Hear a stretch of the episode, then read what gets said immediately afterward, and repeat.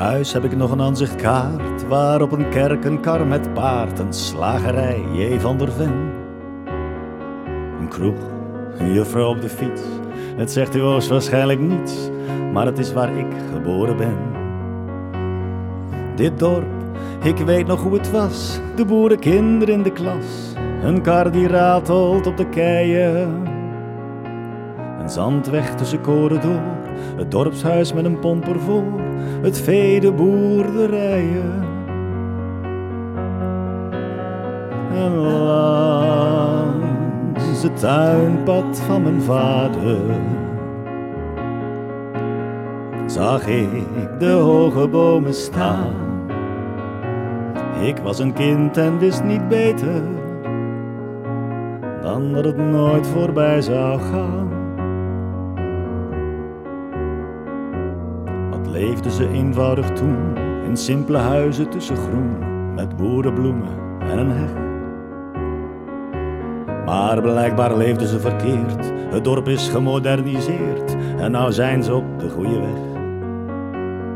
Want ziet hoe rijk het leven is, ze zien de televisiequiz en wonen in betonnen dozen. Met flink veel glas dan kun je zien of het bankstel staat bij Mien en de dressoir met plastic rozen.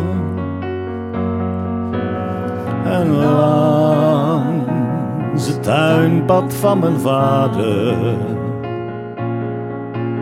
zag ik de hoge bomen staan.